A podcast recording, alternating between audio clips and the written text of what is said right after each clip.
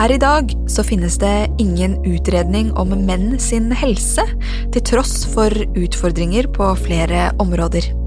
Men når det gjelder kvinnehelse, så har det tidligere kommet flere offentlige utredninger.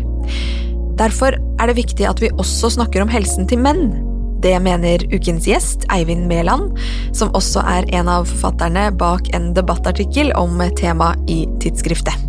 Så på hvilke områder er det menn i størst grad opplever helseutfordringer? Det får du høre mer av i dagens episode. Stetoskopet er programmet du lytter til, og mitt navn er Caroline Ulvin Johansson. Da sier jeg velkommen skal du være, Eivind Mæland. Tusen takk. Veldig hyggelig at du hadde tid og lyst til å ta en prat med meg i dag. Du er spesialist i allmennmedisin og professor emeritus ved Universitetet i Bergen. Ja, det stemmer. Ja, Du er også annet medlem av Mannsforums forskningsutvalg. Eh, og da lurte jeg på, kan du begynne med å fortelle litt om hva, hva det går ut på? Eh, Mannsforum er en organisasjon både for kvinner og menn som arbeider for likeberettigelse for begge kjønn. Men eh, vi har òg et spesielt fokus på menns utfordringer når det gjelder både psykisk og sosial helse. Ja, interessant. Og du er jo også en av forfatterne bak et debattinnlegg i tidsskriftet som tar til orde for at vi også må snakke om menns helse. Og da bare har jeg lyst til å begynne med å spørre deg, hvorfor har dere valgt å skrive en debattartikkel om dette? Ja, vi ble jo invitert eh, av redaksjonen til å skrive en artikkel, så jeg går ut ifra at eh, det er flere enn oss som, som ser at uh, ja, F.eks.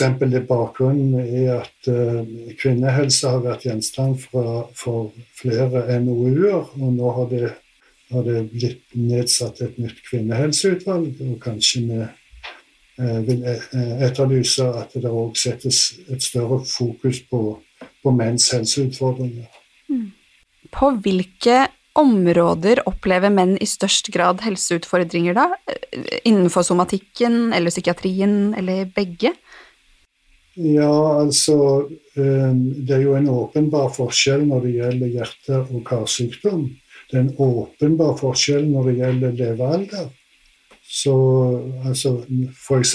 hjerteinfarkt, så er det en dobbelt så høy eh, insidensrate hos menn sammenlignet med kvinner, og kvinner menn får, får hjerte- og karsykdommer sånt i snitt ca. ti år før kvinner. Og dette har vært kjent i, i, i veldig mange år. Sånn at, at dette, er ikke, dette, er ikke, noe nytt. Spesielt når det gjelder akutt koronare syndromer, så er jo forekomsten blant unge menn, eller middelaldrende menn, fire ganger så høy som hos kvinner. Og disse forskjellene har, har, vært åpenbare i lang tid, men det virker på meg som om dette går under radaren når det gjelder interessen i samfunnet. Ja, så Mener du at menn eh, og menns helse er et tema det snakkes for lite om, rett og slett, i det offentlige ordskiftet? Ja, jeg synes at det snakkes for lite om eh, om menns helseutfordringer. Det gjelder jo ikke bare eh, psykisk og somatisk helse, men det gjelder jo òg eh, sosial helse. Altså at det der er åpenbare utfordringer når det gjelder altså menns eh, suksess på ekteskapsmarkedet, f.eks. Det er eh, en, en økende andel menn som er barnløse og lever enslig lever ensidige og kortere liv. Og dette syns jeg eh, poengteres og belyses i altfor liten grad i samfunnet. Eh, dere poengterer jo i artikkelen at det tidligere er kommet, som du var inne på i stad, tre offentlige utredninger om kvinnehelse. Eh, og at, den, at, Kvinnehelseutvalget arbeider nå med en, en fjerde. Eh, mens at det stadig ikke finnes noen utredning om menns helse. Eh, hvorfor tror du denne har latt vente på seg, da? Nei, det må du spørre andre enn meg om. Men altså, det, det, er jo spesielle utfordringer for kvinner, f.eks. livmorhalskreft, som har vært gjenstand for én utredning.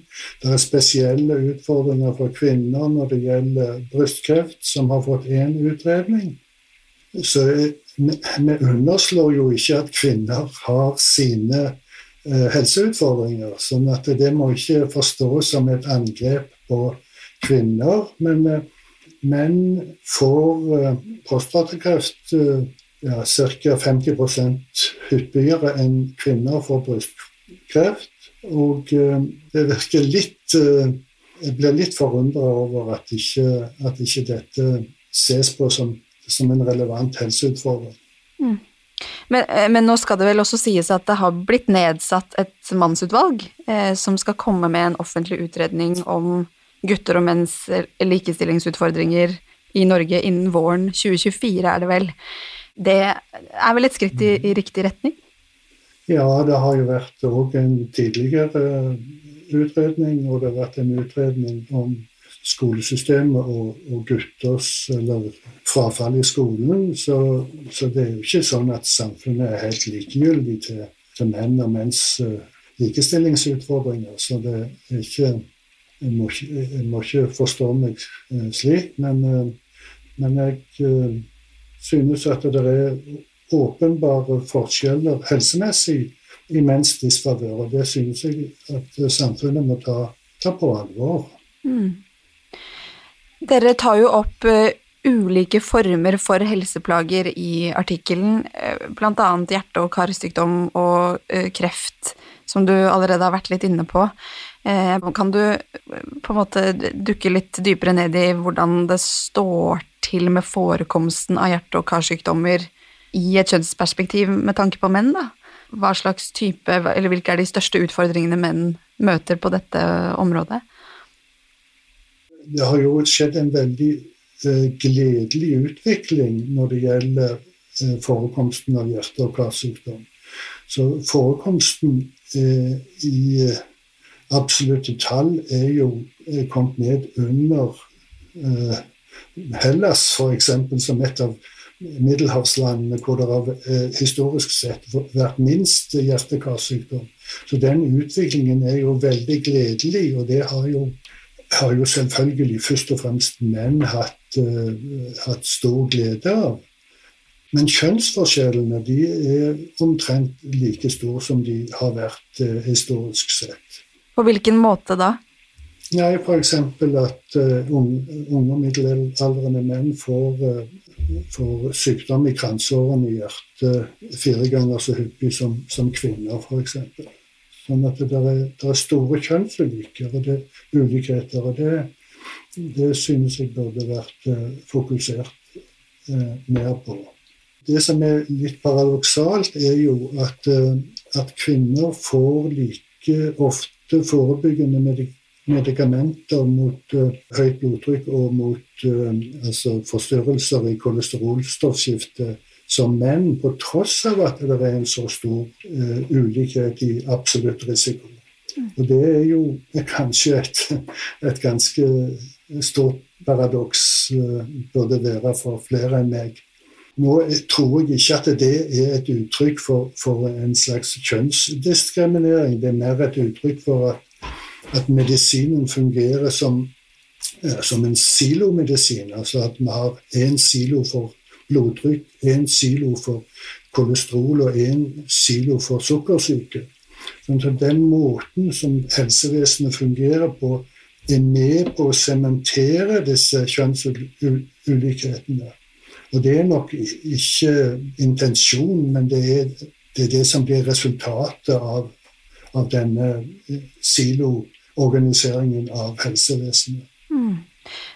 Hva, hva, tror du er årsaken til at menn hyppigere opplever hjertesvikt og atrieflimmer og hjerteinfarkt og hjerneslag, som dere jo skriver om eh, i artikkelen deres? Ja, nei, det, det kan, du, eh, kan, du, spørre om. Eh, jeg tror at jeg blir svar skyldig, men et, et Et svar er jo at det er, altså det er lite det blir lite vektlagt, den forskjellen i absolutt risiko for hjerte- og karsykdom når fastleger og andre leger bedømmer behovet for medikamentell forebygging. Legekorpset i Norge behandler like mange kvinner som menn Eh, forebyggende, så det er et uttrykk for at vi ikke tar inn kjønnsperspektivet når vi bedømmer den absolutte risikoen for sykdom. Så er det jo selvfølgelig òg eh, genetiske og, og, sosiale faktorer som ikke jeg har fullstendig oversikt over. Men en av, altså en av årsakene til hjerte- og karsykdom det er, jo ikke, det er jo ikke bare sånn at det er kjente risikofaktorer som forårsaker. Men det er òg eh, kronisk stress, sosialt stress, utenforskap, marginalisering, som er med på å forklare eh, hjerte-kar-sykdomsepidemiologien. Mm. Sånn at, eh, at det, de faktorene som jeg snakket om innledningsvis, om at menn i større grad enn kvinner marginaliseres i vårt samfunn, kan nok òg være en årsak. Så det høres ut som et sammensatt bilde, rett og slett. Men en stor del av den medisinske forskningen og på en måte det, vårt medisinske system har jo i stor grad vært utviklet på bakgrunn av menns helse sånn opp gjennom historien. Er det ikke da naturlig at kvinnehelse er noe som det kanskje i større grad har blitt snakket ekstra høyt om, da, hvis jeg kan uh, si det sånn, de siste årene? Ja, altså Du har jo rett i det. Historisk sett så har menns uh, f.eks. hjertehelse vært uh, tydeligere vektlagt enn kvinner. Altså, de første undersøkelsene i Norge var jo bedrifts... altså basert på, på bedrifter i industrien hvor det var en svær overvekt av menn som ble undersøkt og kartlagt og risikobedømt. Så historisk sett så har de jo helt rett i det. Men eh, epidemiologien i de siste 30-40 årene har jo vært like mye eh, retta mot eh, kvinner som mot menn. sånn at jeg syns det er lite grunn til å si at det er noen stor kjønnsdiskriminering når det gjelder den forskningsinteressen f.eks. I, i epidemiologien når det gjelder kvinner og kvinners helse. Dere setter jo også spørsmålstegn i artikkelen ved at prostatakreft ikke har et screeningprogram. Mener dere da på lik linje med brystkreft hos kvinner, eller øh, hvordan, hva, hvordan, kan du forklare litt mer hva dere tenker rundt det? Ja, altså det er jo, det er jo Dette er jo å stikke hånda inn i et vepsebol. Fordi at eh, både brystkreft og prostatakreft er jo befengt med store feilkilder. Og både diagnostikk av falsk sykdom og eh, behandling for falsk sykdom. Sånn at eh, personlig så må jeg jo si at jeg er betenkt hvis vi skal få en generell befolkningsundersøkelse av prostatakreft. Men det er jo både for brystkreft og for prostatakreft, så er det jo grupper i samfunnet som har en mye høyere risiko absolutt sett for å få disse sykdommene.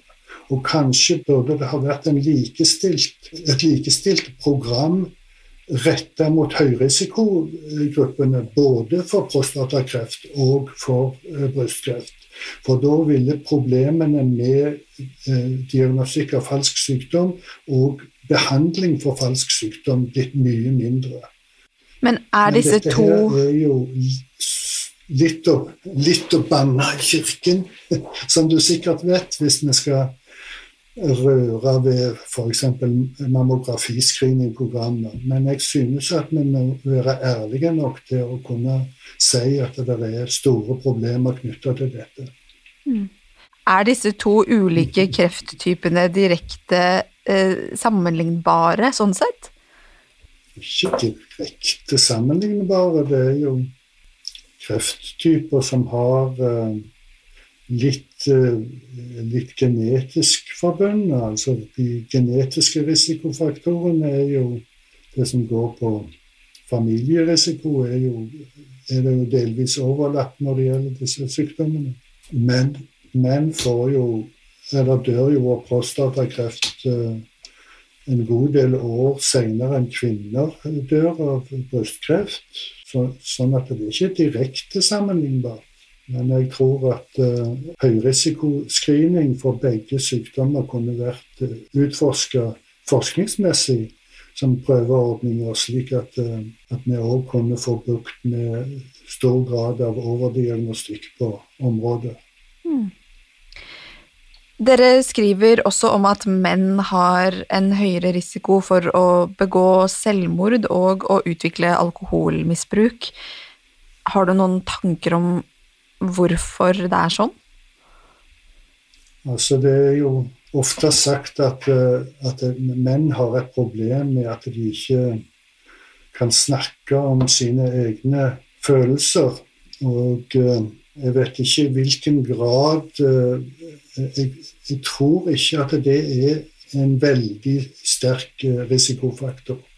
Når det gjelder yngre aldersgrupper, så er, er disse marginaliseringsfaktorene som, som, gutter og unge menn utsettes for, tror jeg er av større betydning. Og Jeg tror òg at det er av stor betydning at, eh, at yngre mennesker vokser opp farløse og vokser opp uten gode eh, mannlige rollemodeller både i barnehager og i skole. Sånn at eh, det er noen strukturelle faktorer som jeg tror er mye viktigere enn at gutter må lære seg å snakke om sine følelser.